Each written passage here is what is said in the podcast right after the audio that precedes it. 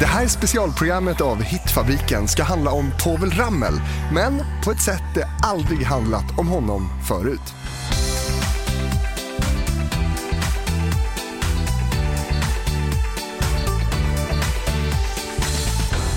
I den här serien program hör du barn till kända musiker välja ut deras favoritlåtar med sin förälder och du ska nu för första gången få höra Povel Ramels dotter Lotta berätta om de låtar som hon har starkast relation till från sin pappas stora produktion.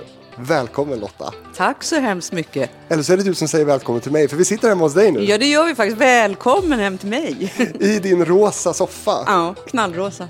Jättefin. Man blir glad, eller hur? Det blir man. Ja. Och den, den passar rummet och dig Ja. på något sätt. Och jag matchar in i den. Du har ju snygg rosa skjorta på dig. Det är perfekt. Nästan som att du visste det här. Du, hur gick du tillväga när du skulle välja eh, de åtta låtar som jag har bett dig att välja ut? Ja, det var ju så svårt alltså. Ehm, det är svårt. Han har ju skrivit ungefär 960 olika låtar och jag har ju inte en relation till alla. Men jag har en relation, en personlig relation till väldigt många. Men så tänkte jag att jag ville välja lite udda som kanske inte alla har hört och ändå några örhängen som är oundvikligt att ta med på något sätt. Men ja, jag fick fundera och stryka och fundera och stryka och så skickade jag en lista till dig på 15 låtar och du sa bara du måste korta. Ja, och så gjorde du det. Ja, det gjorde jag. Men det, var, var det svårt tyckte du? Ja, jag tycker det var jättesvårt. Ja, man vill ju helst hålla på i flera timmar och spela, men, men, ja, men jag är nöjd med det jag valde. Jag är faktiskt. Och vi ska alldeles strax då få höra vilka låtar som du har valt. Välkommen till min pappa Povel Ramel. Precis som vanligt tar vi det från början. Varje gång du tar av dig skorna så medge att det känns skönt Text och revyförfattaren, kompositören, pianisten, sångaren, komikern och skådespelaren Povel Ramel föddes 1922 i Stockholm. Under sin livstid producerade han en otroligt mångsidig produktion av sånger, revyer och krogshower och kom framförallt att kännetecknas av sina underfundiga låtar fyllda med kluriga texter tillsammans med en stor musikalisk lekfullhet. Så säg mig var, var är tvålen vännen? Ser ni tvålen vännen? Undran och skräck jag känner var, var, var? Jag undrar blott var Han växte upp i närheten av Karlaplan. Hans skapande uppmuntrades av föräldrarna och han fann sin första tacksamma publik i barnsköterskor, jungfrur och kokerskor. Hans föräldrar dör mycket tragiskt tidigt och Povel tas hand om av sin faster Elsie. Skoltiden i Sigtuna användes mindre till att göra läxor och mer till att teckna och skriva musik. Hans förebilder blev dåtida populärartister och jazzmusiker som Bing Crosby, Fats Waller, Nat Gonella, Spike Jones och Harry Roy.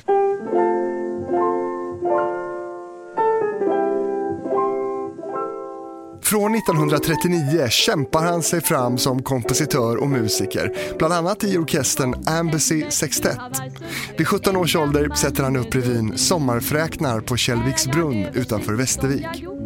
Han scendebuterade som soloartist 1939 i Aftonbladets talangtävling Vi som vill upp med den egna kompositionen En sömnig serenad. Ett litet genombrott fick han när Alice Babs spelade in hans sång Vårt eget Blue Hawaii 1942. Så det är säkert och tryggt i vårt eget lilla Blue Hawaii Och ett större genombrott när Johanssons Boogie Woogie-vals blev en stormsuccé på skiva och noter 1944. Spelas utav var och en, ja till och med av mig, vad säger inte det? Om Johanssons hoggedy boogedy viggedy baggedy viggedy hoggedy boogedy vals 1945 anställdes Povel av Sveriges Radio, dåvarande Radiotjänst. Där kom han att producera flera nyskapande musikaliska humorprogram. I Martin Ljung och Britta Borg hittar han två långvariga medarbetare, vilket kom att påverka och inspirera hans fortsatta karriär. Radiolyssnarna blev förtjusta, men tidningarnas recensenter var ofta oförstående och skrev till exempel “Hur länge ska den där Rammel få fortsätta roa sig själv och sina vänner i radio?” Samtidigt som radiokarriären gjorde han en lång rad humorinspirerade skivinspelningar av egna sånger. Fader, jag kan inte få upp min kokosnöt. Alla sätt jag prövat har varit fel. Bland andra Far, jag kan inte få upp min kokosnöt från 1950. Men också Köp inte en zebra, Titta det snöar och den här. Tjo vad det var livat i holken i lördags Av fulla små finkar blev finkan så full En viktig sång kom att bli De små, små detaljerna från 1948. I den sjöng Povel duett med sångerskan och revyartisten Susanna Östberg som han gifte sig med året efter. Knäpp upp-revyerna blev en institution i svenskt nöjesliv under många år med artister som Gunvar Bergqvist och Oskar Rundqvist tillsammans med Ljung och Borg. Den första hette Akta huvudet och hade premiär 1952. Povel bestämde sig för att medverka i revyer bara vartannat år. Måste vägen till Kyrras och Gyngas och Kapten ursäkta jag sjungas och Knäpp upp gjorde även flera filmer, bland annat Ratata från 1956, där Rammel spelade huvudrollen som Staffan Stolle. På Knäpp upps skivbolag spelade han in sånger som den här. Han skrev också ett fåtal melodier under pseudonym, Bunny Blom.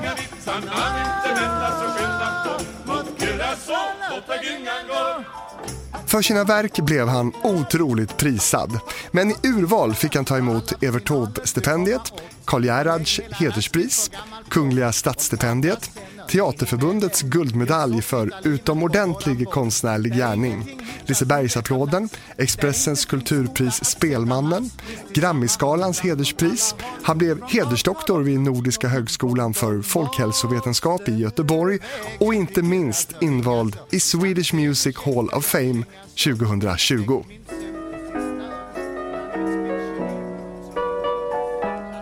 Povel får nu anses vara en av branschens mest produktiva. Men allt har ett slut. Underbart är kort. Trist varar länge Men underbart är kort Alldeles för kort En av svensk underhållnings mest mångsidiga artister, Povel Ramel, är död. Han har avlidit i sitt hem, det meddelar en vän till familjen. Povel Ramel var revymakare, författare och upphovsman till mer än tusen musiktitlar. Han blev 85 år. En av landets stora nyskapare inom musik och underhållning. En av våra mest älskade musikprogram. I juni 2007 tar han sitt sista andetag 85 år gammal. Som eftermäle valde Rammel själv. Han skapade en tonrik väv av ystra visor spunnen. Så vill jag man ska minnas mig, ja, så vill jag bli munnen. Så lyder inskriptionen på hans gravsten. Alldeles för kort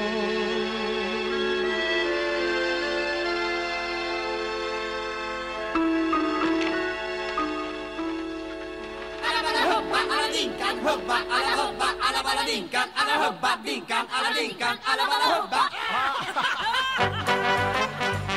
Povel gifte sig 1949 med Susanna Östberg, dotter till arkitekten och konstnären Ragnar Östberg.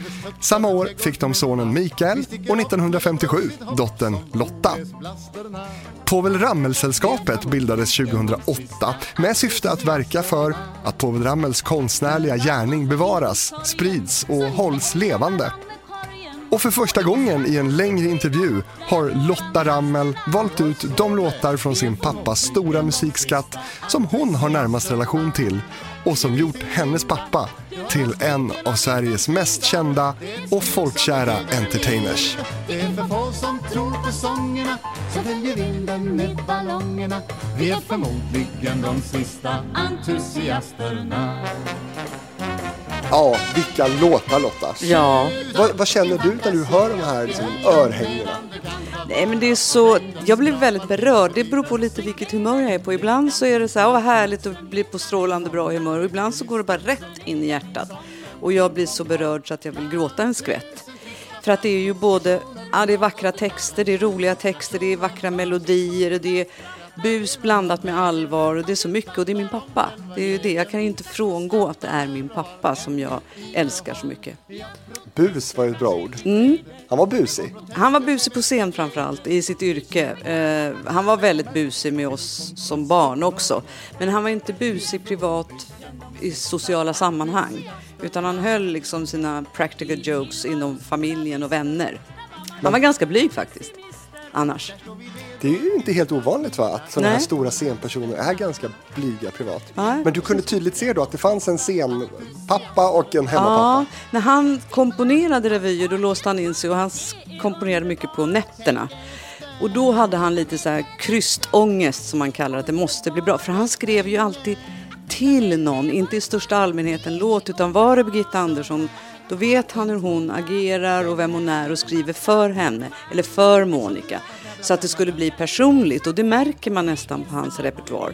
Sen när revyn, nu säger vi att det var en revy, var färdig och de skulle börja repetera med pappa, då började det roliga tycker han. När alla andra hade ångest och skulle liksom repetera in det här och prestera, då tyckte han bara det var kul. För då var hans värsta period över av skapande. Vilket är ditt första minne av pappa som, som känd artist då? Ja, det där är en klurig fråga för jag vet inte om det är mitt minne eller om människor har återberättat men jag tror att det är i tältet och att jag var mest intresserad av Martin Ljung och hans husvagn för han var väldigt gullig mot barn och hans eh, du vet, tältvagn. Eh, det som hände runt omkring tyckte jag var roligare än då att sitta i tältet och se på de vuxna när de uppträdde. Det var ju fantastisk miljö det här cirkustältet. Hur mycket har du lyssnat på pappas musik? Jättemycket. Du har ju jobbat med honom också. Ja, jag har jobbat mycket med honom och nu är ju min bror Mikael och jag ute och spelar Povels naturbarn. Och vi har väl spelat kanske 500 föreställningar nu och då kan man säga att det är Povel Ramel Unplugged som vi är ute i hela Sverige och spelar. Och eh, jag har lyssnat jättemycket på pappa. Väldigt mycket. Och jag tyckte också det var kul när jag var lite äldre och han jobbade med Wenche i Poshow 1 och 2. Då hängde jag där på Berns varje kväll i princip och såg och tittade på repetitioner. Och... Ja, nej men det är häftigt. Jag har lärt mig mycket. Väldigt mycket. Vad hade ni för relation då skulle du säga? Ehm, Min pappas och min relation var väldigt tajt och väldigt bra. Vi hade fruktansvärt roligt. Han var också väldigt ödmjuk och respektfull. Han var aldrig plump. Och han var extremt nyfiken och var en, faktiskt en av de få män som har förmågan att lyssna och vara intresserad. Och sen var, hade han så många intressen så det var alltid roligt att följa med honom. Han var ju fågelskådare, han var naturintresserad, han reste mycket. Det var alltid roligt att gå och handla med honom för han köpte alltid två av no allting ifall den ena skulle gå sönder och sådär. Vi retades ganska mycket om det. Nej men vi hade en jättenära och eh, kärleksfull relation. Och hur var det att jobba med honom då? Det var det som var så märkligt tycker jag. Vi har jobbat jättemycket och det har aldrig varit som far och dotter utan då blir vi båda på något sätt eh, professionella. Och det, han är busig, då är han ju glad. Då är det bara att repetera och spela och ha kul. Han var väldigt öppen för idéer men han var också extremt noga att hans texter följdes. Han, han kunde vara petig. Eh, Men det var kul. Alltså det var bara en fröjd. Jag har, det är så många, alltså det är svårt för att jag har ju bortskämd med kärlek av mina föräldrar. Eller bortskämd, man kan inte vara bortskämd av kärlek. Jag har fått mycket kärlek. Härligt. Mm. Nu ska vi börja lyssna på dina låtar då. Ja. eh, och det är alltså de låtar som, som du har starkast relation till som jag har bett dig att välja. Alltså jag vill säga det här med starkast. Ja. Som jag valde just nu 2023. Eh, för jag tycker de är både roliga och jag har starka minnen. Men det är inte starkast rent känslomässigt kanske. Nej. Allihop. Nej, men det är dina val i Mm. alla fall och det kommer att bli musik från 60, 70, 80 och 90-talet. En Ja. väldigt bra spännvidd får man säga. Eh, och som första låt som du har valt så är det ett revynummer som du själv var med i. Mm. Väl? Du tänker på Ytterdörren? Ja. ja. Det, den har nog bara framförts en gång i ett tv-program som jag inte kommer ihåg vad det hette. Och då gjordes det med pappa Magnus och Brasse. Det är alltså Beatles-låten Yesterday som pappa översatte till Ytterdörren. Ytterdörren, da da da da da, Ytterdörren. Eh, och bara det är ju helt knäppt att översätta Yesterday med Ytterdörren. Den skulle vi sen ha med i Tingeltangel på Tyrol som pappa och Hasse Alfredsson skrev. Och som spelades 89 till 90. Ja, just det. Precis. Och då så skulle jag och en eh, kollega Eva Munter och Maj-Britt Törn göra de här tre dörrarna. Det var nämligen första versen ytterdörren, sen var det mellandörren och sen var det innerdörren. Så vi hade en vers var och jag var ytterdörren.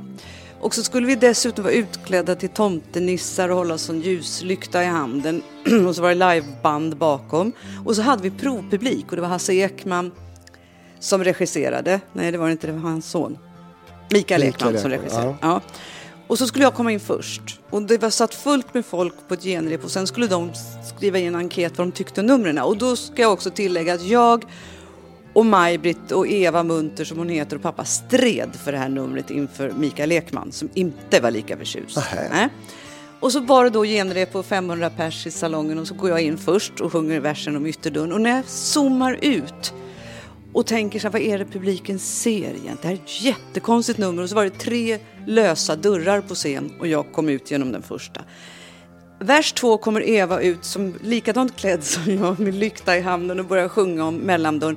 Alltså då, då får jag psykbryt, jag kissar på mig. Det är sant. Det är så jäkla knäppt det här numret. Och jag förstår att det här kommer inte publiken fatta ett dugg av. Och när Maj-Britt Thörn kommer in och sen i innerdörren, då liksom spricker vi alla tre. Och mycket riktigt, det blev struket. Publiken förstod ingenting och gav typ nolla till det här numret. Eller om man nu kunde gradera numren. Så det fick åka ut med badvattnet.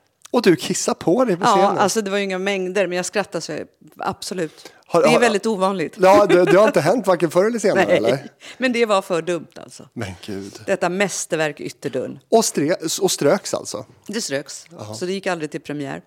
Och det var, vi var lite sura för det där, fast jag såg hur knäppt det var. Så vad fan, Ytterdörren är ju bra. Katastrof. Men gud vad rolig historia ändå. Men, och, och vet du varför då som, som regissören inte tyckte att det var någonting att ha? Nej, men han såg väl det vi inte såg mycket tidigare än jag insåg det på scenen när vi för första gången framförde inför publik. Har du någon kontakt med, med dina medsångerskor på scenen? Ja, nu avled ju Maj-Britt Thörn bara för några månader sedan. Så det vad kan jag, ja, jättetråkigt. Men Eva och jag är ju bästa vänner så att vi kan ju skratta gott åt det här numret. Och det känns ju rätt kul att ha någon, eftersom pappa inte lever, Hasse inte lever. Det är få som lever helt enkelt. Mm.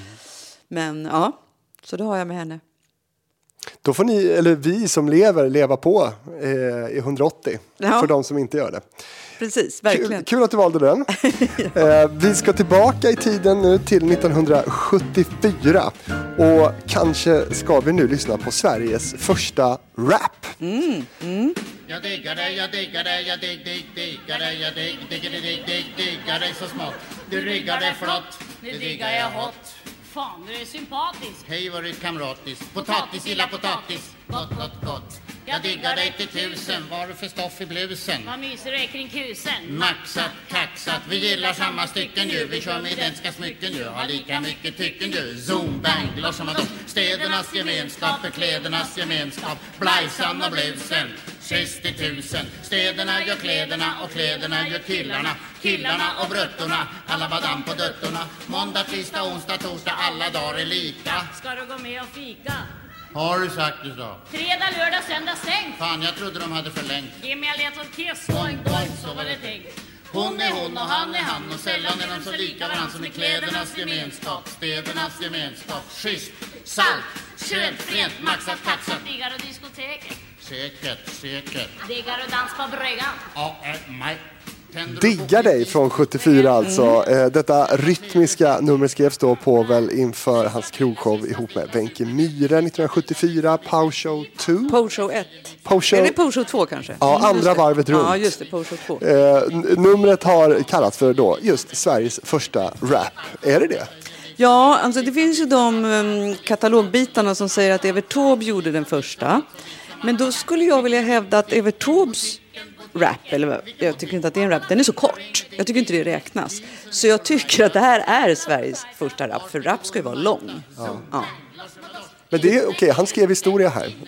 Musikhistoria. Eh, någon slags, eh, har också beskrivits som någon slags jazzig talsjungning. ja, det kanske det gjorde på den tiden. Ja. Ja. Men eh, varför valde du den här? Jo, eh, det är många olika anledningar. Dels blev ju jag helt förtjust. Det var ett braksuccé det där numret på Berns. Det var ju ingen som hade förväntat sig. Han låg ju alltid lite i framkant, pappa. Han fick ju, och reste ju mycket och fick mycket influenser utomlands ifrån. Eh, och sen så hängde jag som sagt på Berns varje kväll och såg det här numret. Och sen så innan det blev klart så undrade jag hade en sån skiv, back med skivor, LP-skivor som man hade förr i tiden. Och så i flera veckor så var den inte där på mitt rum. Mhm. Och jag tänkte jag har lånat ut den, står hos någon kompis efter en fest eller sådär. Nej men sen, först, sen var den tillbaka efter några veckor och då hade ju pappa snott min skivback för att inspireras till de här Jerusalem, Metusalem och Hoola Bandoola Medusalem och de här raderna. Det var ju många av mina LP-skivor som han hade fått namnen på. Ah. Så det blev ju jättekul för mig när jag hörde den här första gången. När jag insåg, vem, va? Det är ju mina skivor, det är de grupperna. Men du, varför blev den så populär den här? För det här är ju en låt man liksom känner till, kommer ja, ihåg. Jag tror just därför att den är liksom spektakulär, eller var det då, spektakulär och för att det är sån timing och den var ju, det är ju en tung vrickare. Jag gör den nu i, i, på scen med det här jag är ute Påvels naturbarn. Och det är en tung vrick, det gäller att ha tungan rätt i mun. Och den är genial, texten är ju superbra om man verkligen tränger in i texten. Och ja, nu är ju inte pappa med oss längre då, men han hade ju varit eh, hård då på att det skulle bli precis rätt. Absolut. Gör du den precis rätt varje Det gång? gör jag faktiskt. Otroligt. Mm. Jag har gjort den ihop med pappa också på en, ett segelskepp för eh, ett gäng svensk-amerikaner. Men hur gör du då för att memorera texten? Framförallt den här då som jag sa. Ja, nej, men det är ju bara nöta. Just en sån här grej som inte är en ren drama för teater och så, så är det ju bara nöta. Det måste sitta i rygg. Men jag måste kunna göra det när jag tvättar håret, när jag går och handlar.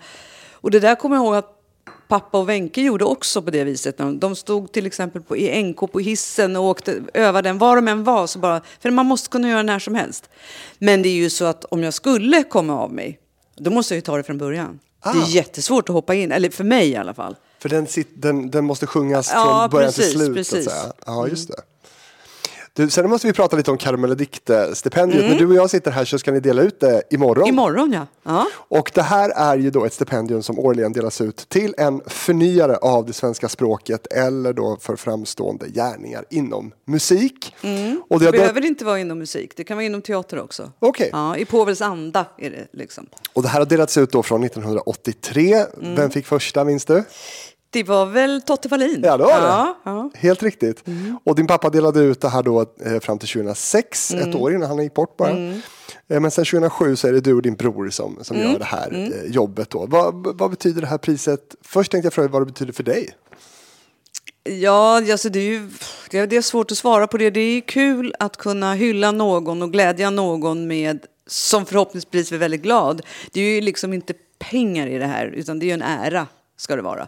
Och så en strut karameller ju. Ja, en strut karameller och man får en check på 30 000 eller 20 000 så man är ekonomiskt oberoende för resten av dagen. eh, och sen så är det ju fint att föra en sån här tradition vidare, tycker jag. Var kommer karamellerna ifrån? De kommer från en karamellfabrik. Jag har faktiskt varit och hämtat karamellerna igår på posten. Så de är alldeles färdig malda, säger man. Nej, men färdiggjorda. Färdiggjorda. Färska. Mm. Men du, vad skulle du säga- att, att det här priset då betyder liksom för musiker? Eller för de som får det? Ja, jag tror ju att de är ärliga när de säger att de blir uppriktigt glada och hedrade. För många vet jag ju var pappa en stor idol. Och många har ju även jobbat med honom som har fått det. Ehm, Så det hoppas jag. Jag har inte sett någon ledsen min så länge jag har varit med och delat ut i alla fall. Imorgon är det 41 gången. Wow. Och förra året så fick eh, Tommy Körberg Mm. Ja. eh, det här priset Och- 2022. Och samtidigt delade vi ut till First Aid Kit. För att året innan var det inställt på grund av pandemi. Så vi delade ut både 22 och 21 samtidigt.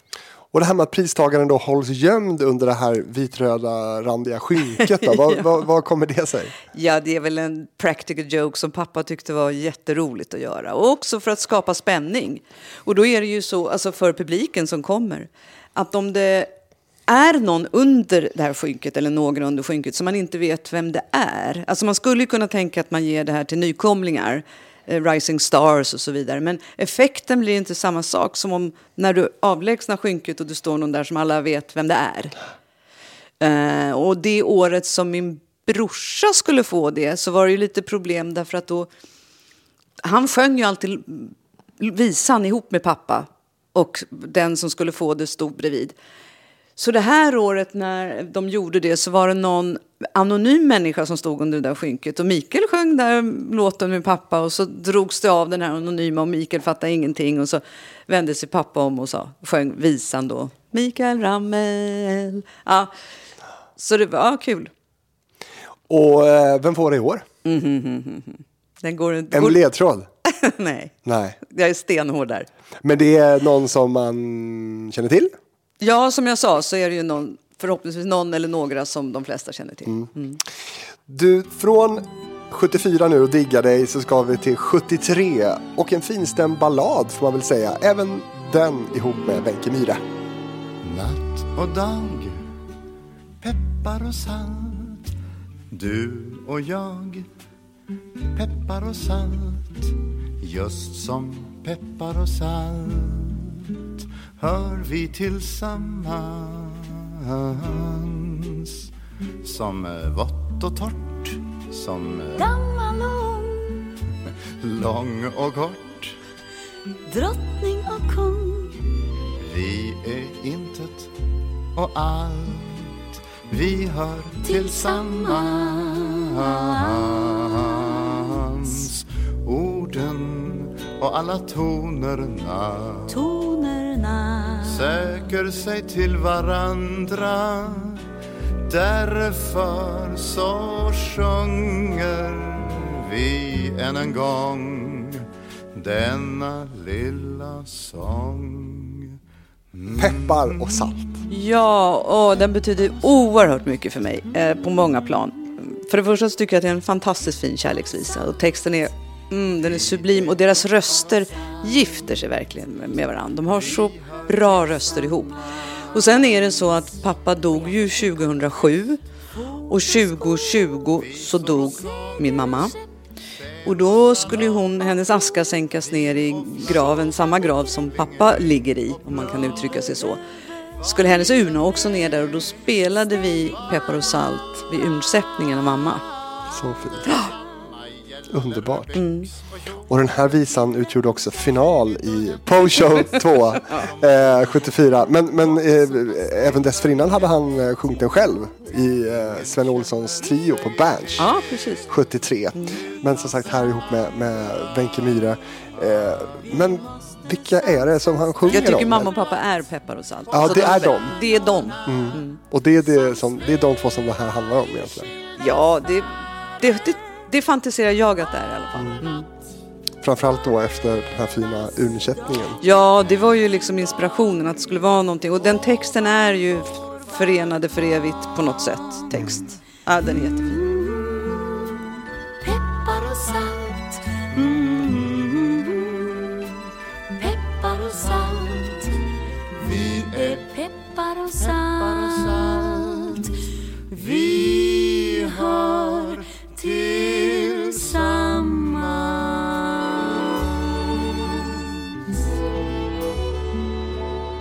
Han hade ju sina favoritsångerskor, Mm. eh, Povel. Och vi kommer att höra en annan lite senare. Men vad, vad betydde liksom hans kvinnor på scen i, i stort? Och, och, och kanske just Wenche Myhre då för, för Povel? Ja, nej, men det är som jag säger att han alltid hade en förmåga att skriva just för han lärde känna Wenche och då visste han vad hon var expert och bra på, hennes humor. Så att det blev liksom en riktad text just gjort för Wenche. Och så var det med Monica och så var det med Birgitta Andersson och så var det med alla hans moaché, sångmoachéer. Som också tyckte det var, vad jag vet, väldigt, väldigt lustfyllt att arbeta med pappa. För det var sånt bra material de fick. Ofta är det ju så här att som ja, det kan ju vara män också, det spelar egentligen ingen roll. Man får ett material som kunde vara skrivet för vilken kvinna som helst. Men det här är verkligen direkt till henne eller honom. Och det gör det väldigt speciellt. Har du någon... Wenche skulle inte kunna sjunga den som kommer senare med Monica. Jo, det skulle hon, men det är inte samma sak som den som Monica sjunger sen. Har du någon favoritsångerska sådär som, som han jobbade mycket med? Ja, men för mig är det Wenche. Jag är också i den åldern då så att jag går och tittar på så himla mycket och jag älskar de där låtarna. Men det går inte att inte säga Monica Zetterlund. Hon är ju given. Varför? Verkligen. Ja, men det är väl självklart. Alltså hennes röst och hennes sång och hennes närvaro och hennes nerv. Ja, det är, det är något speciellt. Ja, det är nog väldigt klart. speciellt. Hur mycket bidrog Povels texter till det då? Eller Po- Povels musik till det? Jag vet inte. Jag tänker att Monica alltid har det vad hon än eh, framför för sånger. Men han såg det här i henne. Jag tycker han lyfter, alltså materialet lyfter henne ännu mer. Den här låten som kommer sen, det är väl två med henne, som är ett epos. Den är fantastisk och de gör den också oerhört bra ihop. Och den är fruktansvärt... Man ska tänka så här, pappa skrev aldrig, jo några, men de flesta av hans låtar har 88 verser. Det är extremt långa. Och faktiskt inte så lätt vare sig melodiskt eller textmässigt. Om man tänker på de här lite djupare eh, sångerna. Ja, det kräver ju sin sångerska och sångare för att Mm. Ja, framföra men det dem, gör det. Och när det klart. funkar då blir det ju rys alltså. I alla fall för mig. Då ska vi gå vidare till Ja. den fjärde eh, låten och ehm, den tar oss ännu längre bak i tiden eh, och en låt som du och brorsan också framfört. När jag var liten fick jag papper utav mamma. Av min pappa fick jag pennor svarta, gula, blå. Jag satte mig att rita med detsamma. Krumelurer, streck och ringar, runda, stora, små. Jag rita våvar, jag rita kottar Jag rita blommor, älvor och prinsessan Gull. Men när jag hann till tummeliten blev jag less på hela skiten och så ritade jag en gubbe som var full. Den lilla tecknaren. Från 1965. Eh, Povel har skrivit och visan sjöngs av Stig eh, Grybe i revyn Tavleskorna. Mm. Eh, som spelades då mellan 65 och 66. Och därefter har den spelats in på skiva av Povel själv. Och tillsammans med då sånggruppen Gals and Pals. Eh, och även ni då har framfört den och spelat in den. Varför valde du den? Jo, därför att det har faktiskt en, för mig, ganska rolig historia. När jag var åtta år så fanns det ju roliga timmen i skolan. Kommer du ihåg det? Ja, absolut. Ja, och då fick man ju göra lite vad man ville. Och eh, då kom jag en rolig timme och så sa jag till fröken att idag vill jag sjunga. Vad trevligt, sa hon inför klassen såklart. Vad ska du sjunga för någonting Lotta? Jo, jag ska sjunga en sång som heter Den lille tecknaren. Men vad spännande så. Varsågod Lotta. Och så sjöng jag den där sången, alla verserna. Och jag tror faktiskt inte att jag förstod ett enda ord av vad den handlade om då. Och när jag skuggat alla ställen drog jag korken ur pytellen och sen vaknade jag i modellens säng. Men jag, när jag var klar så tittade jag upp på fröken och hon, alltså hon såg inte glad ut och hon var lite grön i ansiktet kan jag säga. Och eh, när jag gick hem sen och berättade det här för pappa så hade han hade ju gett vad som helst för att se frökens min när jag hade sjungit den här inför. Och klassen var också lite frågande, det är ju svåra ord i den där. Men eh, därför är den mig varmt om hjärtat. Och sen har jag faktiskt nu, bara för några år sedan, så var en lågstadielärarinna som var där, för jag frågade är fröken här? Alltså det, som en skoj. Och då var hon det en gång. Men gud, jag höll på att skratta ihjäl mig. Det var helt underbart. Oj, vilken slump. Ja, ja, hon gick för att se vår föreställning. Hon visste ju inte att jag skulle framföra den här. Och en annan gång var det en kompis, eller då kompis till mig som sa jag gick i din klass, jag var, men kommer du ihåg det där under en föreställning? Wow. Ja. Kul ju. Men du, ehm, den här eh, låten den är, ju, eh, den är ju speciell och även Stig Grybe sjöng ju in den. Eh, Vilken är din favorit? Pappa eller Stig? Aha, när de sjunger. Jag Mm. tror nog att det, det är Mikael som gör den i vår show. Jag säger Mikael. Mikael? Ja, Min bror alltså. Ja, absolut. Eh, och ni är ute, hur mycket är ni ute och som Påvens naturbarn? Ja, vi har ju nu varit, spelat ungefär 500 föreställningar och vi har varit även i utomlands, i Spanien, Frankrike och Finland.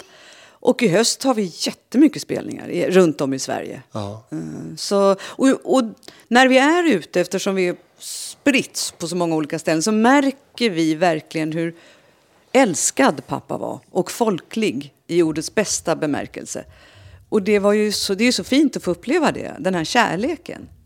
Och jag tror faktiskt, eftersom hans föräldrar dog i en bilolycka när han var 15 år bara, eh, att det här är min egen eh, amatörpsykologi, men att eh, publiken så småningom blev hans ställföreträdande föräldrar. Så mycket kärlek som han fick av publiken. Det, ja, take it or leave it. Ja, men- fint. Eh, Jag tänkte precis fråga om det, det här med vad, vad, hans musik får för reaktioner 2023. Hur, hur har den åldrats skulle du säga? Många, de flesta har åldrats väldigt bra eftersom man aldrig eh, höll på med personpåhopp, slag under bältet eller politik på det sättet att den var partipolitisk. Däremot så finns det mycket politik i hans sånger som vi kommer höra sen. Mm. Kommer vi höra, ja. Eh, och därför är de lite tidlösa. Så, så, ja. Och sen så tror jag nog att vår publik är ju inte den yngsta här i Sverige. De ju, har ju upplevt pappa. Så jag skulle säga att det snittar på 45 år och uppåt till f- 100 år. Det är liksom vår publik. Där de flesta ligger mellan, vid 70-årsåldern just nu. Och du får höra många berättelser gissar jag. Ja, många kommer ju fram och jag minns när jag träffar Povel, jag minns när jag träffar Povel och det är ju jättetrevligt. Faktiskt. Men, men eh, ja, många har minnen av pappa. Du, den lilla tecknaren då. Eh, vad kan man säga? Va, han var bra på att teckna ju. Han var jättebra på, han gick tecknarskolan när han var ung. Har du också blivit Nej, lika bra? jag är urusel på att teckna. Men han var, vi har till och med haft en tecknar, tecknarskola. Eller jag får säga tecknarskola, teckna, en utställning med bara Povel Ramel-teckningar. Han kunde mycket. Han var otroligt mångfacetterad din han måste ju ha haft någon bokstavskombination. Ja, idag hade han väl kanske haft det eller? Ja. Vilken av dem? Ja, men det vet jag inte. Men någonting. Så produ- produktiv som han har varit. finns ju några sådana där som var otroligt produktiva. Jag tänker spontant bara på liksom Tore Skogman och sådär som fick ur sig otroligt, inte bara texter och musik utan även ja, som teckningar och, Ja. och, och sånt. Eh, Hade han tid att vara pappa? Jag tror att du skulle få olika svar beroende på vem du frågar av mig och Mikael. För mig hade han tid. Jag tror också att det beror på att jag var sladdis så att jag fick göra lite som jag ville. eh, och han, även när han inte var hemma, det vill säga att han var frånvarande, så var han närvarande i sin frånvaro för mig. Jag har aldrig tänkt så här att äsch, pappa var aldrig hemma när jag var liten eller så. Jag har verkligen inte det. Hur är man närvarande i sin frånvaro? I, anden. Alltså i, jag kände att han var nära i, även om han inte var i rummet eller om han var utomlands. Jag kan inte förklara det. Han, han var närvarande för mig. Men han var mycket borta då? Han var mycket borta när han var iväg med Beppe Wolgers till exempel och skrev revyer. Han gjorde ju det vartannat år och då kunde de resa iväg ett par månader. Och sen när han var på turné med Knäpp upp tältet och sådär.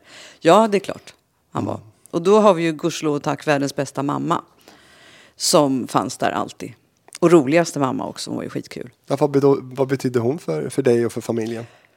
Hon var ju mitt allt skulle jag säga, då när jag växte upp. Och för pappa så var hon ju det kritiska ögat. Hon kunde f- f- ganska snabbt säga det där är skitdåligt, det där får du stryka, det där får du ta bort. Eh, vilket han behövde. Och de var så olika så de var match made in heaven tycker jag, pappa och mamma. Du berättade ju då att du framförde den här lilla tecknaren då i, i skolan på roliga timmen. Mm. Hur, hur var det liksom i, i, ehm, i skolan? Jag tänker så här. Ja, var du, liksom, du måste ju ha varit otroligt, ett otroligt kändisbarn helt enkelt. Ja, och jag fattade ju inte det där när jag gick i lågstadiet. Kanske började uppfatta lite eh, trean, fyran i mellanstadiet. Så när lär, det var mest lärare som, inte kompisar, för de visste ju inte, de struntade väl i det, men lärare och kompisars föräldrar som, hur är det att ha en pappa som heter Povel Ramel, eller som är Povel Ramel? Jag har ju ingen annan pappa, så jag har inget annat att jämföra med. Eller så kunde läraren säga, ni, ni sitter väl hemma och din pappa spelar piano och läser dikter framför brasan, bara aldrig hänt. Alltså verkligen inte. Så det var mycket så förutfattade meningar om hur vi hade det hemma. Ja, för hur var det då? Nej men det var ju som vilket hem som helst förutom att det var fruktansvärt roligt mestadels. Och mycket mat, mycket skoj. Ehm, och mycket först- det var högt i tak. Det var mycket folk som kom och gick. Vi var ju, mamma har två barn innan hon träffade pappa. Så vi var ju fyra syskon. Och allas kompisar, alla var alltid välkomna. Det var öppet hem och högt i tak och mycket diskussioner. Och i detta skulle pappa försöka komponera. Det gick ju bra. Var det också så att det var mycket eh, kollegor till honom? Ja, det var ju musiker, mycket fester. mycket ja. fester. Ja. Vi bodde ju på en gata nedanför oss precis så bodde ju då Monica Zetterlund, Katrin Westerlund, Putte Wickman och så pappa. Så det var ju liksom som en festgata där. Och så bodde Hasse Alfredson inte så långt därifrån. Så tyvärr var jag lite för liten då när de här värsta partykvällarna pågick. Eh, Det kanske var skönt. Nej, det var tråkigt. Jag hade gärna velat uppleva dem. Jag finns på bilder där jag sitter i någon soffa med alla de här, alla rökte ju och inomhus. Jag sitter där mitt i eh, och jag kanske är fem år så att jag var för liten för att, ja. Så här, är det inte också så att det var lite väl mycket festande? Nej, jag tror att det där kanske var så för vissa som faktiskt blev alkoholister. Men- Monica till exempel. Ja, men eh, pappa har alltid kunnat hantera alkoholen och aldrig gått över någon gräns, mig veterligen. Eller det har han inte. Men däremot så var det ju trevligt att bjuda till fest. Eh, ja, men det är väl gener helt enkelt. Ja. Livet på Lidingö. Ja, livet. det politiska livet på Lidingö. För att det är många som tror också att jag är uppvuxen i någon fisförnäm överklassfamilj. Men det var det verkligen inte. Vi var ju en radikal familj. Och eh, mamma som var liksom feminist ut i fingerspetsarna. Jag har ju lärt mig oerhört mycket om min mamma. Och så pappa som var lite udda, som var en kompositör och artist mitt i den här högborgerliga miljön. Ja, hur var det?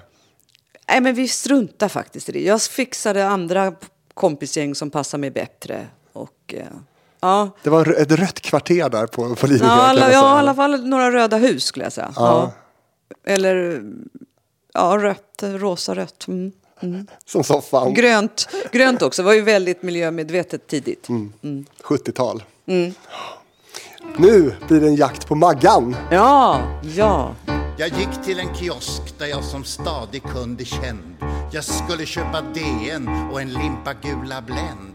Men Maggan bakom disken, hon som alltid får mig tänd, var utbytt för affären var såld i takt med tidens trend.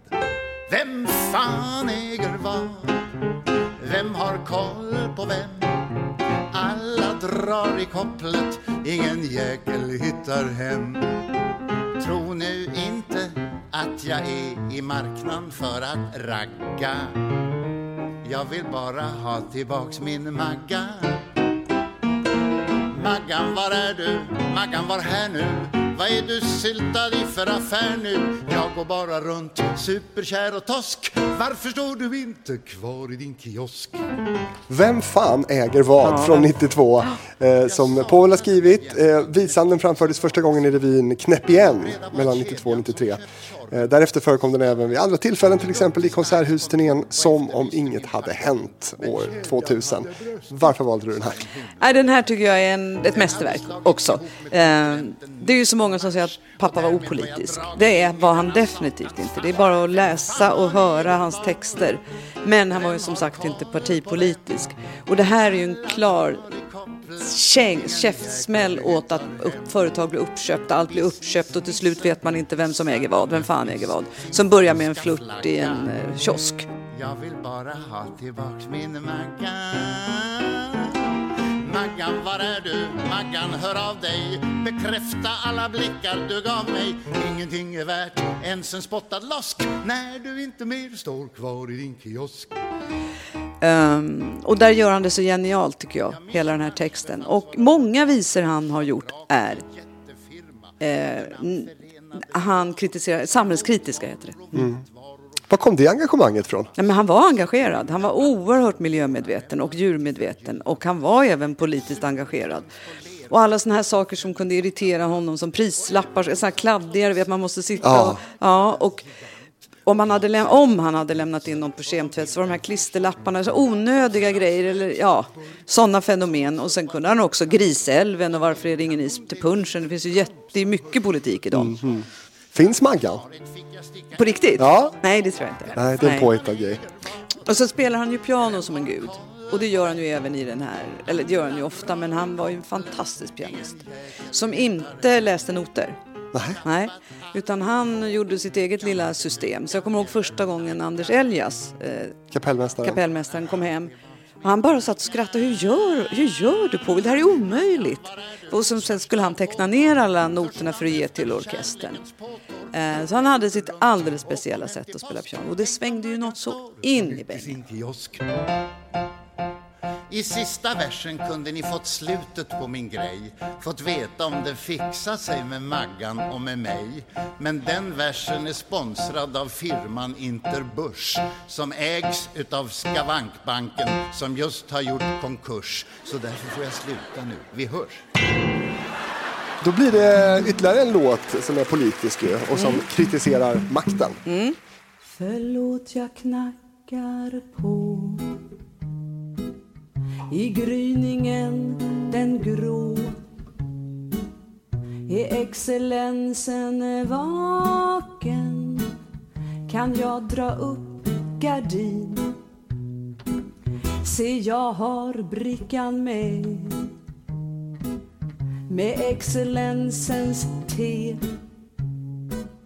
Och excellensens tidning som doftar färsk och fin. Jo, excellensen har excellensen sett hur som hela vår värld tycks sakna sans och vett. Har excellensen hört att vårt urgamla klot snart är helt förstört? Vet excellensen vad som det ser ut idag? Så barkar allt åt fanders och hela mänskligheten blir berövad existensen. Även excellensen och jag. Excellensen från 89 ingick bland annat i Tingeltangel på Tyrol också då. Här då en version med Naturbarn, det vill säga dig och din bror har jag valt. Mm, vad kul. Varför valde du den här? Nej, men den gjorde pappa. Jag gjorde en föreställning som hette Först som sisters med samma Eva Munter som yt- ytterdörren Eva Munter. Och då fick jag den här excellensen och det är också en samhällskritisk, väldigt, den är ju kort, det är ovanligt, men, och den är ju så fin. Och den är också sedd underifrån, alltså inte från makten granskar neråt utan underifrån. Jag bara, den var fin att framföra och den var, den är fin, den är häftig. Båda de här låtarna, både Excellensen och eh, Vem fan äger vad, de känns ju också som att eh, de speglar nutiden också på något sätt. Mm, det är det jag menar, det är därför de håller än idag. Det har inte hänt så mycket tyvärr. Nej, vad säger det? Ja, det säger ju att det går väldigt sakta framåt och många kliv bakåt. Han gjorde ju den här Moder Jord tillsammans med Hasse Alfredsson, en monolog som Margareta Krok framförde eh, under Tingeltangel. Som var att nu måste vi börja ta hand om Moder Jord, fast på ett väldigt roligt sätt. Och Margareta framförde den magnifikt. Och när man läser den texten idag så har det faktiskt gått bakåt. Sorgligt. Mm. Som det ser ut idag så barkar allt åt fanders och hela mänskligheten blir berövad existensen, sjunger han. Och som sagt, det är en text som, som är eh, ja, slående nutid också på något sätt. Mm. Men än har det väl inte barkat helt åt fanders ändå? Nej, men det är på väg om vi inte ser upp. Och det är väl det också. Sen så är det väldigt fina rim i den där sången. Det var han ju skicklig på. Men går det långsammare än vi tror eller vi tänker oss det här med att allt ska gå åt fanders? Jag tycker det går väldigt fort. Eh, Jag tycker att vi borde ha fått så många varningssignaler på många sätt som vi inte... Jag menar inte att jag gör det till fullo heller, utan man blundar lite för det. Ehm, ja, nej, det går inte fort. Alltså, det går inte fort framåt på det sättet. Däremot går det fort att, riva ner och förstöra och miljön. Ja, nej, det är ju fruktansvärt. Moder Jord gråter. Det är jag helt övertygad om. Vi pratade ju om Karamell och diktstipendiet. Det är ett sätt för er att, att eh, uppmärksamma eh, och föra den här traditionen vidare som, som Povel ändå eh, stod för kan man säga. Eh, något annat som, som ni nyligen har, har gjort för att bevara hans minne det är ju då att det har avklätts en staty av Povel. Berätta! Jo, det var ju bara i förrgår. Så äntligen blev en staty av pappa i helfigur eh, färdig och vi kunde avtäcka den, Mikael och jag och flera andra som har engagerat sig i ungefär 15 år för att få till den här statyn. Och det är Lasse Åberg som har designat den. Och den står, om man vill hälsa på pappa, så står den eh, på Djurgården framför Cirkus. Uh, jättefin placering och jag tycker det var känslomässigt att avtäcka den för varken Mikael eller jag hade sett den innan. Och så var den så bra. Ja, jag blev lite berörd. Det var också konstigt faktiskt att ta av det där skynket och där stod pappa i brons. Jag vill ju att han ska vara levande såklart. Mm. Men den är väldigt fin, väldigt lyckad. Och det är inte vem som helst som har godkänt detta heller. Nej, kungen har ju gett sitt godkännande. Det är ju han som äger marken på Djurgården. Så vi har fått godkännande av kungen. Så det är vi glada för och tacksamma för. Hur, hur gick det till? Kungen är ju med i Gastronomiska akademin och pappa var ju med och, och eh, startade det ihop med Fritjof Nilsson, Piraten och eh, Tore Wretman. Eh, och sen, eh, kungen har ju ett enormt matintresse och det hade även pappa och Carl Jan Granqvist har varit med i den här stiftelsen som har kämpat för statyn och han känner kungen och han känner oss. Så han skapade en bro däremellan och sen har kungen också alltid uppskattat pappas musik. Så det är inte helt, det är inte långsökt faktiskt. Fint! Mm, Och jag, har sett, jag fick se bilder på den, fantastiskt fin. Eh, Lasse Ja. Åberg har gjort ett fantastiskt jobb och han har naturligtvis inte skor på sig. På väl? Nej, och han håller i en karamellstrut. Ja. Precis som det ska vara. Ja. Vi rör oss ju eh, liksom i det här programmet mellan olika decennier, från 60 till, till 90-talet. Mm. Hur skulle du säga att hans musik förändrades och hans produktion liksom förändrades genom decennierna? Ja, vilka olika skeden hade hans karriär om man zoomar ut och tittar på den? Alltså han ägde ju 50 och 60-talet fullständigt dominerade. Jag som sagt är född senare så att jag har ju uppskattat mest hans senare musik. Men, eller hans senaste, senare revyer. Man kan väl säga att sen började han ju göra ganska mycket tv. Alltså Affären Rammel och Semlons gröna dalar. Och han har gjort mycket filmer. Men musiken hur den har utvecklats. En av de sista sakerna han gjorde hette ju Som om inget hade hänt. Och det, det- men det, nej, han följer i tiden eller så ligger han lite före hela tiden. Och det gjorde han redan med Johanssons Boogie Woogie-vals. Det var ju helt nytt när den kom. Att ha en Boogie Woogie och en vals i samma låt. Så att hans signum genom hela hans karriär tycker jag är att han ligger i framkant. Lite före. Och det var ju det hans vilja också. Han ville aldrig göra om en låt en gång till i en annan revy. Utan då tog han en annan text från en annan låt och satte till den där melodin så att folk skulle bli lite virriga. Um, han, var nyt- han var nytänkande till allt han gjorde faktiskt. Och nu ska vi tillbaka till 60-talet och din näst sista låt. Östan em stress och press och västan em krogra vandrar ho här den sista jäntan i skogra Ungfolke lockes att lämna skogens bryn viljelösa flyn jag är alena i byn. Mina kavaljerer må sitta där och glo på nattklöbbra Jag finner tröst ibland i enstaka gubbra Runt om i Stögera väntar de på mig. Lite övermogna men ack så trogna. Går de bak Krumnicke, Tjuvstajon och Valentin i Gnet Skrapper törpen, Måns med läppa. Och så han vars namn jag inte vet. Den sista jäntan från 1966 som Povel har skrivit text och musik till framfördes av Monica Zetterlund i revyn På Avigan som sattes upp mellan 66 och 67. Det här är faktiskt en låt som tidigare valts i den här serien program i, i det programmet som hette Min syster Monica Zetterlund. Eh, då valde Monicas syster ut den här Jaha. låten som en av hennes favoritlåtar. Ja. Varför valde du den här? Eh, eh, det är två orsaker. Eh, jag vill bara säga det att den här revyn på Avigan var en av hans bättre, eller en av hans bästa. Och tyvärr så blev den aldrig inspelad, eh, filmad. Därför att de hade tänkt göra den i tv-studio. Men tyvärr avled flera i ensemblen innan det blev av. Så det är en av de få revyer som inte jag filmade. Och där är till exempel Gals and Pals helt outstanding.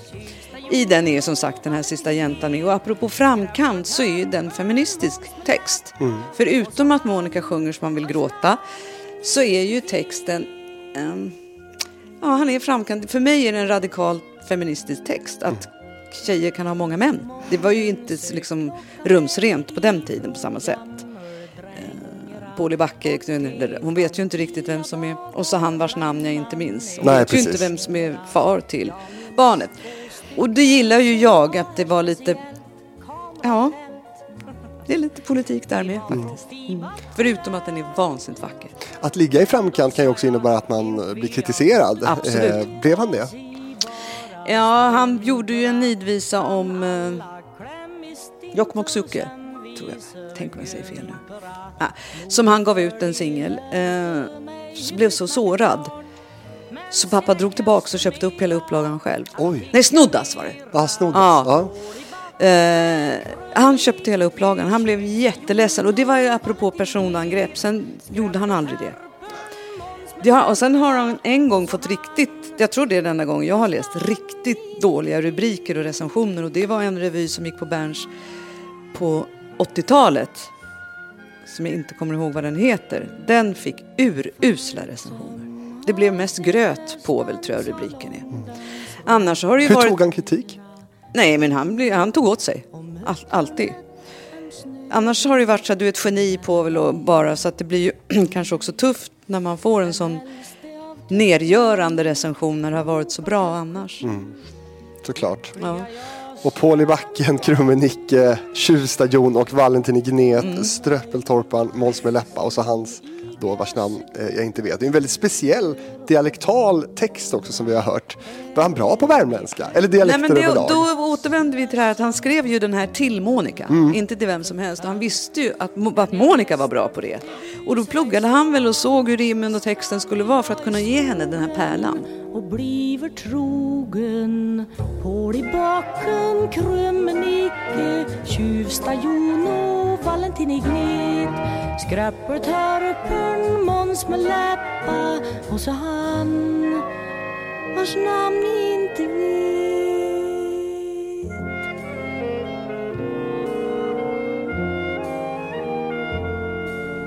Småningom Kanske i gryta med bland spektaklera hände sig ett utav de stora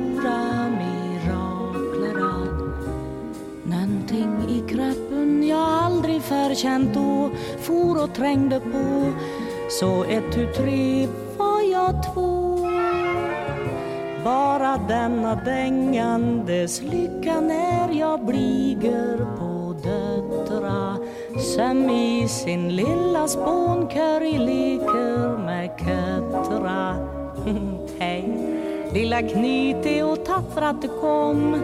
Sugen skvätt ur nappa och hedra pappa. Hål i backen, krömen icke, tjuvstajon och Valentin i gnet. Törpen, Måns med läppa och så han vars namn inte vet. Vi pratade om Wenche Myhre tidigare Ja. då och det här är ju eh, allas vår Monica Zetterlund. Vad var hans relation till Monica? Ja, men de var vänner. De var ju, hon jobbade väldigt mycket med Hasse och Tage, mer än vad hon gjorde, jobbade med pappa. De var vänner och de bodde ju grannar. Och, ja, som sagt, det är ju en tid när jag är lite liten här. Eh, när det här skapades. Jag är för ung för Mm. att liksom kunna ha pejl på hur pass kompisar de var. Povel dyker ju upp i filmen om Monica Zetterlund. Ja, just det. Vad Just tycker det. du om den skildringen? Ja, men var, han- pappa var ju med väldigt lite i Ja. det. Ja. Det är Ganska porträttlik. Men det var väldigt så han inte skulle göra, sätta sig vid pianot och sjunga Ta av dig skorna. Det skulle ju inte hända. Liksom. Han skulle, om han sätter sig vid pianot på en fest, eller hemma när det är fest, så skulle han ju lira jazz eller någonting. Han skulle ju inte ta sin egen hit. Nej, det är långt ifrån pappa. Fiktion det var lite helt kliché. enkelt. Ja, Lite verkligen kliché. kliché kan- kanske man kan säga. Eh, Det kanske också är en fördom. Ja, det, visst. Och det är ju många nidbilder att han är så glad och tjosan och den här gluggen mellan tänderna som har liksom porträtterats mer som en Gröna Lund-teckning. Eh, Men ja, så blir det ju. Så är det. Mm. Hur har hans eh, relation varit till pressen och, och skriverier? Och, Eh, han har ju alltid haft en låg profil. Man ser ju inte många hemma hos reportage eller intervjuer som inte är djuplodande intervjuer. Så att han, inte, han tycker inte det var kul att prata om sig själv på det sättet. Och var det någon, vi säger att det skulle bli en i DNs bilaga eller Svenska Dagbladets söndagsbilaga, då var den ju flera sidor lång. Då blev den ju en djup. Men han var ju väldigt sällan sån här Hänt i veckan och nej, det var inte hans grej. vad tyckte han om att vara känd? Han, tyckte var, eh, han gillade inte det. Han gillade inte det och eh, han tyckte det var jobbigt. Han har väldigt sällan utnyttjat sitt kändisskap. Han Jobbigt tyckte- på vilket sätt? Ja, men alltså inte jobbigt på det sättet att möta sin publik, för det var ju det han levde för också, förutom mamma och oss barn och vänner. Men det här jobbiga att alltid vara igenkänd överallt när man kanske inte ville bli igenkänd. En del kanske tycker det är härligt, men det gjorde inte han. Och också på en Och då, därför reste han mycket. För där blev han anonym utomlands och kunde liksom vara helt fri. Det här var också en tid då, då det fanns inte så många kända personer som det gör idag. Nej. Och de som var kända, de var ju Nej. jätte... Precis, och Berömda. så, så tänker jag också att om han hade varit aktiv idag och Instagram och Facebook och allt vad det är. Han, jag vet det fasen alltså. Ja, vad skulle han tycka om Instagram? Nej men det, hade han ju, det där hade han varit först på. Han var ju först på allt sånt. Han var först med VHS, alltså inte först att uppfinna men först att ha det. Ja. För han är för nyfiken för att inte ändå liksom. Måste prova. Och datorn när det kom, alltså gud vad han satt och svor för han inte förstod vad man gjorde först när han skulle skriva från, gå från skrivmaskin till dator. Nej, det, var, det var en... Det var en stor grej. Ja. Ja, vad- kul att höra. Du, nu ska vi... Eh, Det han sa också alltid på telefon, sa förlåt men Han tyckte det var så knäppt det här med telefon så att man kunde på kassettband prata in ett meddelande så att man kan prata efter tonen. Och då sa han alltid första gången, ja ni kan prata efter pippet. Och det tyckte alla som ringde var skitkul så de började alltid sitt meddelande med ett skratt. Det är ju lite bra. Jätteroligt. Nu är väl det liksom gammalmossigt men då var det väldigt kul. Ja, men det, ja, det, det, det här är ju det som vi började att prata om, buset va? Precis. Kul! Och nu blir det musik ihop med Zetterlund igen i din sista låt. Mm. Låt oss sjunga en sång så länge den. Det är ingen dum idé, hör du. Lova mig, håll musiken igång så länge du kan. Så länge jag kan. Så länge du kan, låt grytan sjuda. Grytan? Harmonierna ljuda. Harmonigrytan? Tända Aha. upp dig, Oho. ge dig stimulans som ingen kan förbjuda. Skänk åt visorna liv med sångglädjens lågor. Tänk på att inget verkar så dött som noter på hög. En låt som aldrig spelas den skämmer ut sin upphovsman Men den är härligt, ljuvligt skön så länge den pågår Så håll musiken igång så länge du kan Håll musiken igång från 1966. Det här numret eh, framfördes av Povel själv tillsammans med Monica Zetterlund i revyn på Avigan. Eh, Och eh, det gestaltade musikens språk i revyns eh, avdelning Språklådan och utgjorde då en av revyns höjdpunkter. Varför valde du Håll musiken igång? Nej, men det är svårt att inte välja den faktiskt. Eh, den är ju, det är ju en resa i, i, i musik. I förr i tiden, i dutid och försöka samla alla gamla, alltså äldre, nu icke levande kompositörer på en fest. Och den festen verkar vara hur kul som helst mellan Beethoven, Mozart och ja, Sjostakovitj och allihopa. Den, det är ju en underbar tanke att de sitter och skapar ihop dessa storheter ihop med Monica och pappas röster. Och denna, den är ju hur lång är den? 10 minuter? 8 minuter? Den är lång. Där har du också en sån ordvrängare som Jag diggar dig. Den är ju svår att lära sig den texten. Jag kommer ihåg Björn Skifs och Anneli Rudé skulle göra den på en hyllning till pappan när han skulle fylla 70 på Cirkus. Alltså de övade så mycket. Det var inte klokt. Och sa, hur är det möjligt att skriva en sån här låt? Mm. Men det är ju ett mästerverk. Men det jag gick. tycker det är ett mästerverk. Det gick, ja det gick. Ja. Och De är här- proffs menar jag. då. Ja, ja, det är klart. Och, men hur viktigt är det då att hålla Povels musik igång? Det är jätteviktigt. Alltså det är det vi försöker göra också med Påvens naturbarn. För att om vi säger att pappa hade varit fransman. Då hade det ju rest tio statyer över honom nu. hade, de hade undervisat om honom i skolan.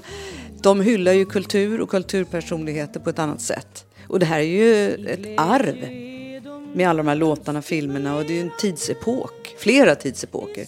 Så det vore ju skam om inte dagens unga och ungdomar och barn får ta del av det här och föra det här arvet vidare. Och gör inte vi det, gör inte makten det kan jag säga. Nej. De är väldigt okulturella och kulturellt ointresserade nu. Excellensen. Excellensen, precis, precis. Så det är ju liksom viktigt att hålla musiken igång. Och har vi inte musik, då går det ut för, för oss alla. Men vad är planen då? Ni, ni turnerar ju med, med pappas musik. Finns Mm. det andra sätt ni också eh, kan jobba för att få ut den här skatten? Ja, men vi har försökt. Han skrev ju en bok som heter Djur i dur. Alltså en bok för djur som, blev lite, som aldrig blev sjungna om. Som Alice Tegnér, Tegnér aldrig sjöng om. Liksom Tvigge Tverstjärt, Fulvia Fästing och lite andra. Den ville flera musiklärare ha i skolor, mellanstadiet. För det är noter till och allting. Och en CD-skiva. Men vi fick inte den förlagd någonstans på något förlag som ville distribuera den till mellanstadie. Det är inte lä- alltså, kultur är så låg status idag i Sverige. Får jag tillägga. Vad tycker du om det? Jag tycker det är för jävligt rent ut sagt. Alltså det är en katastrof. Vi blir fattiga andemässigt om vi inte har kultur oavsett vilken kulturform det är. Det är ju det viktigaste vi har, förutom förstås tak över huvudet och mat. Och kärlek. Kärlek ingår i kultur. Kärlek går hand i hand. KK. Ja, ja. Med en annan betydelse än vad det är idag. Men du, allsång då, tänker jag. Finns hans texter med i allsångs, Allsång på Skansen? Jo, men det har, häftet, det har varit det flera år faktiskt. Jag vet inte om det är varje år, men det brukar vara någon i häftet varje år. vore ju passande. Ja. Mm. Du, nu har vi lyssnat på, på de här låtarna som du har eh, valt ut. Känns ja. det bra? Ja, det känns jättebra. Jag hoppas att de som lyssnar också tycker det var kul urval och bra låtar. Ska väl också passa på att puffa lite här och, och göra lite reklam för eh, hemsidan. Alltså eh, Povel Ramel-sällskapets hemsida där det finns otroligt mycket information och texter och allt man kan tänka sig. Ja, men absolut. Och så tycker jag också att om man är lite road eller inte road eller mycket road av pappa så ska man bli medlem i Povel Ramel-sällskapet. För vi gör väldigt mycket roliga saker och vi har eh, dotterföreningar kan man väl säga lite spritt i landet. Och vi har båtresor, filmvisning. Ja, det är kul. Det är kul i Povel Ramel-sällskapet, så häng på. Och där är du också aktiv då? låter Ja, jag är vice ordförande. Mycket aktiv alltså. Mycket aktiv. Men du, eh, du valde inte de kanske allra största hitsen Nej. eh, som, man, eh, som man kanske tänker på när man, man hör din pappa. Ta dig i skorna och de här. Mm, underbart är kort och så vidare. Ja, varför då? Nej, därför att jag tycker att den har de, de har de nästan de flesta hört och Ta av dig skorna är ju inte en favorit till mig. Jag tycker det är en ganska tråkig låt. Faktiskt. Så den kan jag ju inte välja. Den eh, skrev ju pappa ihop med Beppe Wolgers. Beppe skrev texten och pappa melodin. Delvis, ja de delade väl på texten. Nej, det är inte någon favorit till mig. Det är klart att det finns låtar bland de här 960 som inte jag tycker är så himla bra i förhållande till det som jag tycker är vansinnigt bra. Så är det ju. Men liksom 960 låtar, hur många låtar är det liksom på... Han måste ha skrivit en i veckan hela sitt Ja, liv. men, men, nej, men jag tror att han hade arbetsperioder. Efter att hans föräldrar dog i den här bilolyckan så har han alltid själv sagt att han gjorde ett eh, sorgarbete i glädjens tecken. Så han lyckades på något sätt, det trauma han utsattes för, det, omvända det till ett arbete i glädjens tecken. Och då blir man produktiv för att kanske mota iväg smärtan också, tänker jag. Men eh, ja, nej men det finns ju massor. Det var ju svårt att välja de här. Jag vet ju inte om ni hade som lyssnade velat höra de där pärlorna, men det kan ni ju gå in och lyssna på någon annanstans. De finns ju. Du har kanske breddat mångas bild av, eh, av Povel. Ja, jag hoppas det. Det vore kul i så fall. Du har lyssnat på Min pappa Povel Ramel i en inspelning från Södermalm i Stockholm producerat av mig, Fredrik Rahlstrand. Gillade du det här programmet då finns det fler i samma serie att hitta i det här flödet och på min Youtube-sida som heter Fredrik Rahlstrand. Där finns till exempel då min syster Monica Zetterlund, min pappa Tore Skogman och min pappa Beppe Wolgers. Och vill du komma i kontakt med mig då kan du skicka ett e-post till fabrikspost gmail.com. Lotta Rammel, stort tack för att du ville vara med. Tack Fredrik, det var kul att du kom och vad roligt det var att prata så här mycket om pappa intensivt och höra de här låtarna. Fantastiskt kul. Mera.